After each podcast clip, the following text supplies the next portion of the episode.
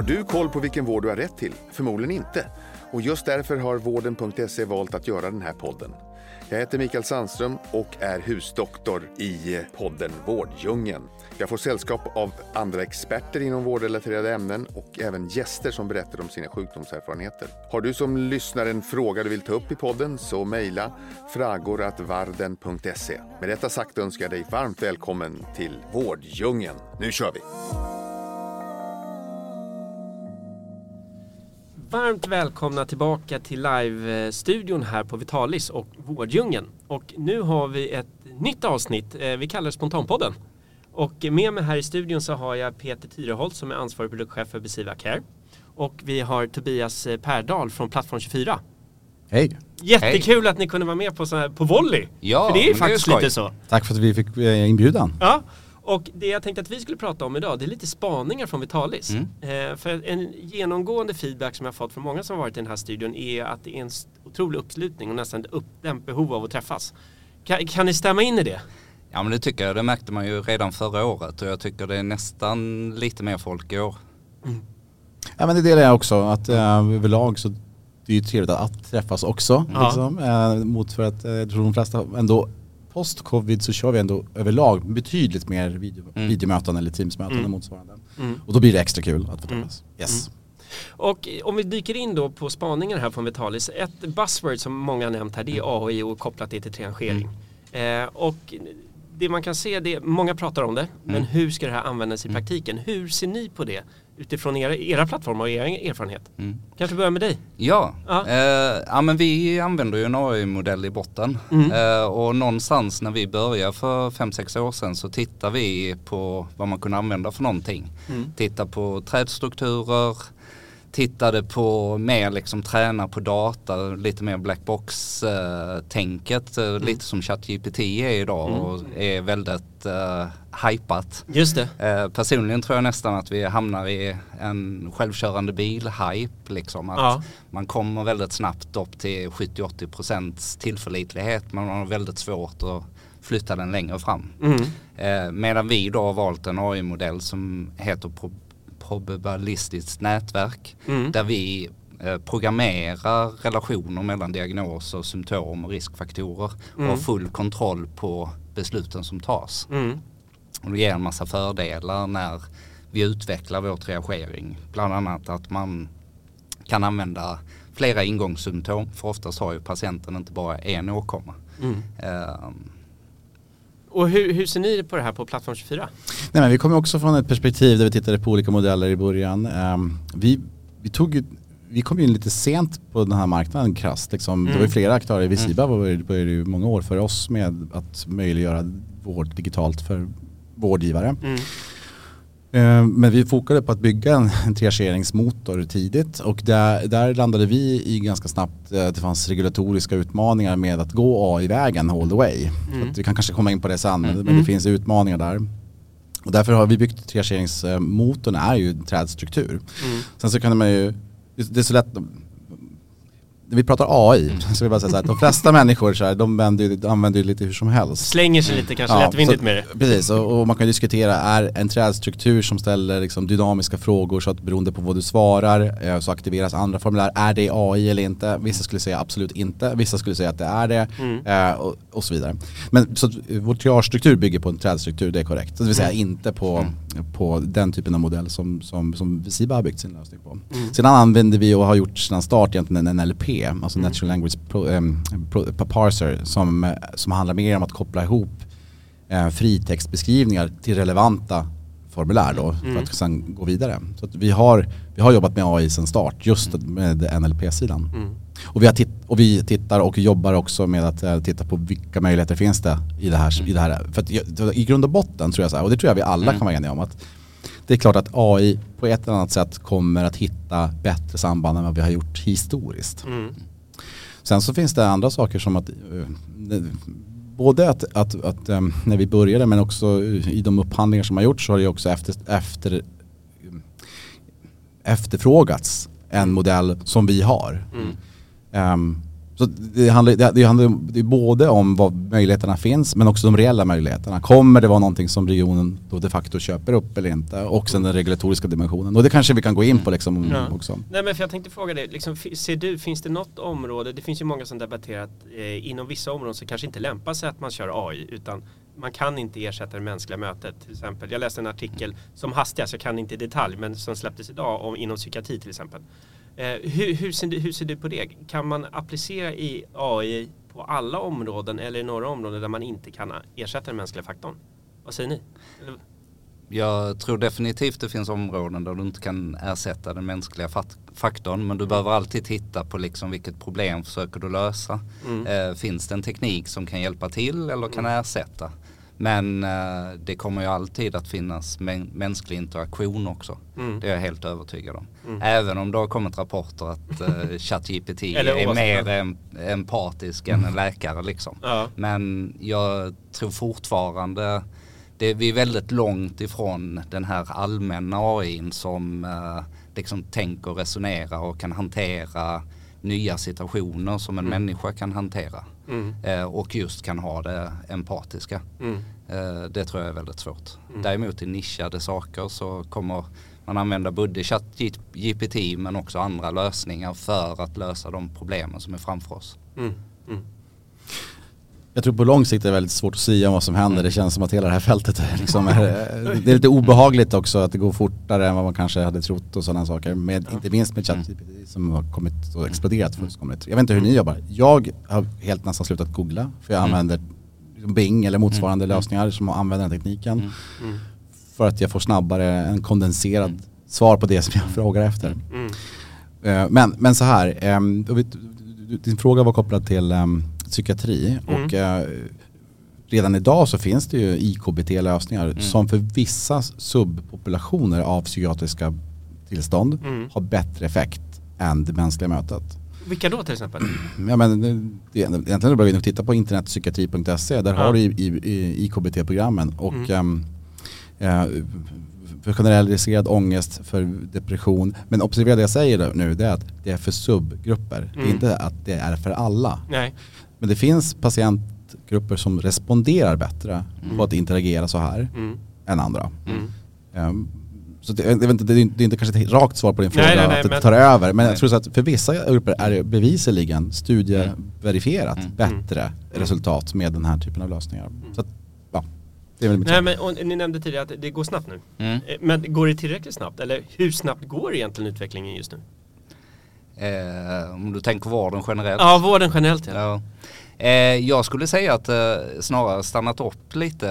Eh, tar du första året under pandemin, Mm. då gick det snabbt. Mm. För då, då var det förbjudet att säga nej i princip. Mm. Du fick testa allt du kunde. Eh, och det hände sjukt mycket innovation ute i Mm. vården. Mm. Eh, nu är vi tillbaka lite det här kommittéstyrda. Det sätts upp med massa hinder för de som vill innovera vården Mm. eh, ute på golvet. Mm. Man fokuserar mer på de stora centrala projekten istället för att eh, göra det möjligt för verksamheterna att innovera sin verksamhet. Så klockan har nästan vridits tillbaka eller? Ja, det skulle jag säga. Ja. Eh, Det gick rätt snabbt. Även Ja. i slutet på pandemin så såg man en skillnad i hur mycket eh, verksamheter fick lov att göra. Mm. Håller, håller du med om det? Eller delar du den, den spaningen? Nej, men jag tror att Peter har delvis rätt i den här frågan. Och, och den drivs ju i, i, så tillvida av att ehm, regioner är bland de största arbetsgivarna vi har liksom, i, i Sverige. Men de är internationellt stora också. Mm. Ja, och driv, ehm, när man tar beslut om att digitalisera som då har kommit till, vilket Mm. inte fanns tidigare, då blir det cen- centralstyrt till Mm. viss del. Mm. Och för att möj, eh, ja, utifrån ett centralis, centralistiskt perspektiv och man vill driva eh, dig- digitaliseringsfrågor så är ju en del frågor eh, eller frågor som, som, eller en del beslut som tas som av olika skäl behöver göras på Mm. ett, en nivå och sen ska det rullas ut. Mm. Och då kan det upplevas i allra högsta grad att man inte har möjligheten att kanske påverka det beslutet. Mm. Eh, det är ju dock eh, sällan, eller vad jag vet, inte en teknikfråga någonsin. Utan det handlar ju mer om vad, vad, har man, vad, vad väljer man för strategi liksom, Mm. och hur vill man jobba med, med frågan. Mm. Och jag tror att det också är en fasfråga. Det kan handla om att under ett visst breddinförande eller att man har valt någonting så att göra så är det en Mm. period så att ja, men då är det ganska strikt och bestämt hållet och sen möjliggör man det längre fram. Jag och det, hade- och det, det ser lite olika ut i olika regioner också. Liksom. Mm. Om vi går tillbaka till triangering så Mm. hade jag ett samtal igår eh, och då var det en person som tyckte att triangering nästan är ytterligare ett hinder. Mm. Eh, att upplever att det är en, ytterligare en tröskel en person ska ta sig Mm. igenom istället för att fråga det är ont i axeln, jag beträffar en sjukgymnast, klart Mm. du ska göra det. Mm. Att, och, det här med personorienterad vård. Mm. Hur, hur ser ni på det ur era plattformsperspektiv? Att liksom patient, att, att det inte är ytterligare ett hinder så att Nej. det kanske blir en kunskapslucka hur Men man jag- ska svara och, Ja. förstår ni vad jag menar? Ja, jag förstår eh, vad du menar. Ja. Och, och där tänker jag att eh, just att möjliggöra för patienten att eh, ta kontakten och Mm. att man faktiskt i lugn och ro får svara på frågorna. Vi, vi mäter väldigt mycket runt våra patienter och analyserar eh, fritextsvar från dem som Mm. ger feedback. Mm. Eh, och just den här att eh, man får lov i lugn och ro tänka igenom och svara på frågorna. Mm. Eh, det är dessutom så att vi jobbar väldigt mycket med liksom, att inte vara ett hinder. Så Mm. För patienter som börjar utfrågningen hos oss Mm. till att man är färdig med utfrågningen Mm. så fullföljer 92% det. Ja, det är så pass många. Ja, i, i vår lösning då. Mm. Jag har sett andra siffror Mm. som är betydligt lägre. Men vi har jobbat väldigt mycket med den, just interaktionen med patienten. Mm. Så de ska känna att det är nästan så att mötet med vården har börjat. Mm. Eh, och sen har vi jobbat mycket med just den här att kunna styra patientgrupper till rätt profession istället. Mm. Istället för att du ska gå igenom en kedja. Mm. Först receptionist, sen en sjuksköterska och sen kanske en fysioterapeut. Mm. Och, eh, försöker vi istället styra direkt till samtalspartner, direkt till fysioterapeut, direkt de som måste ha läkare, direkt Mm. till läkare. Mm. Eh, sen kan ju våra kunder välja hur de gör men Mm. vi eh, fanns en vårdcentral som föreläste igår, Trelleborg.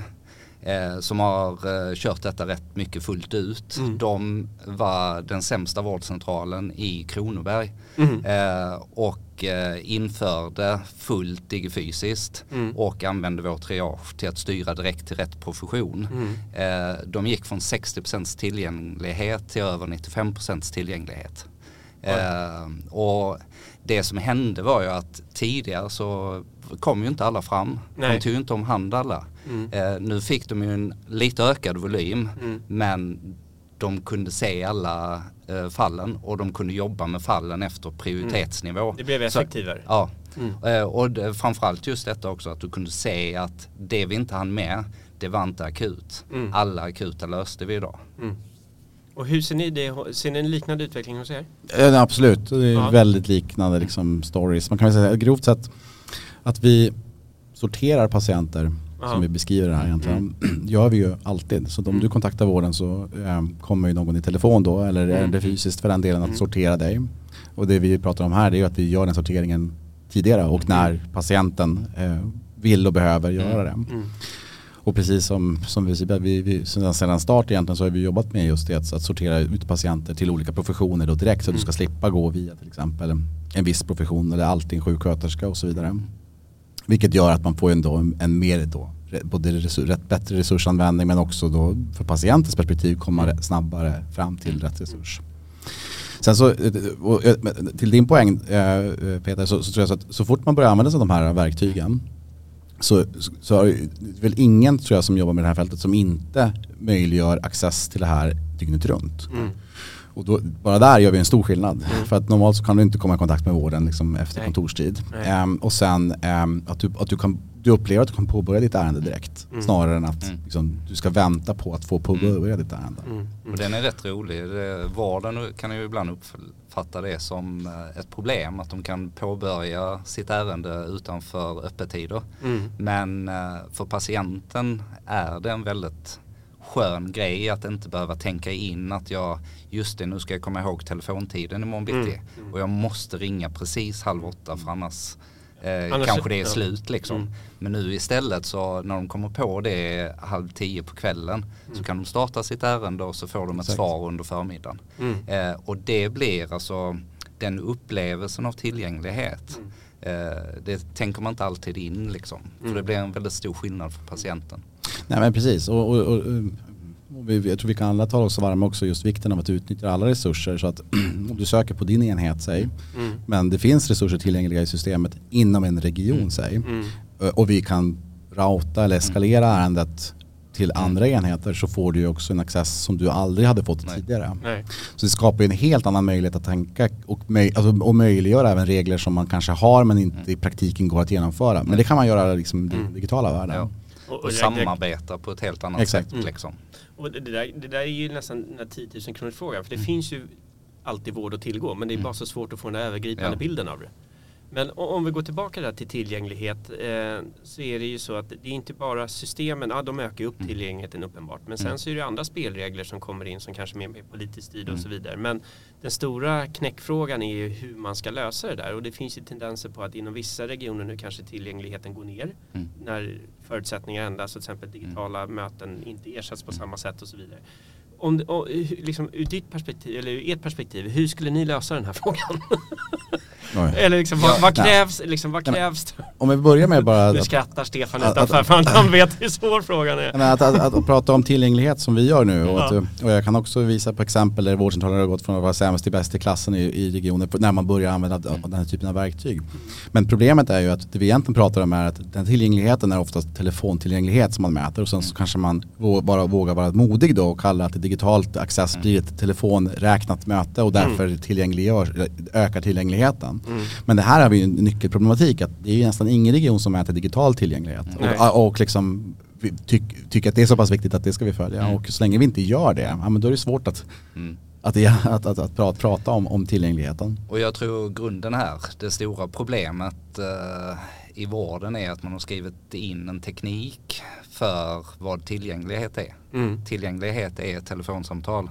Mm. Men det kommer ju ändra sig över tid. Förr var tillgänglighet att du gick ner till vårdcentralen och den var öppen och det Mm. var någon som tog emot dig. Mm. Eh, idag kanske det är digitalt. Mm. Eh, imorgon är det något annat. Mm. Och jag tror generellt i regelverk så måste man undvika att skriva in tekniska lösningar i Mm. regelverken. Man ska skriva in vad man vill uppnå för någonting. Mm. Eh, och det ska vara teknikneutralt. Mm. Och det blir ju problemet här med att eh, vi har ju vet vi har ett eh, så här liksom under pandemin så fick Capio ha ett ansvar i Stockholm för hemlösa. Mm. Eh, och då körde de vår plattform för att eh, ronda hemlösa ute på eh, eh, stan. Mm. Eh, och så satt läkaren eh, på vårds, eller eh, hos Capio. Mm. Eh, och det var jättebra, alla uppskattade. Mm. De hemlösa tyckte att de blev respekterade på ett helt annat sätt. Mm. Och eh,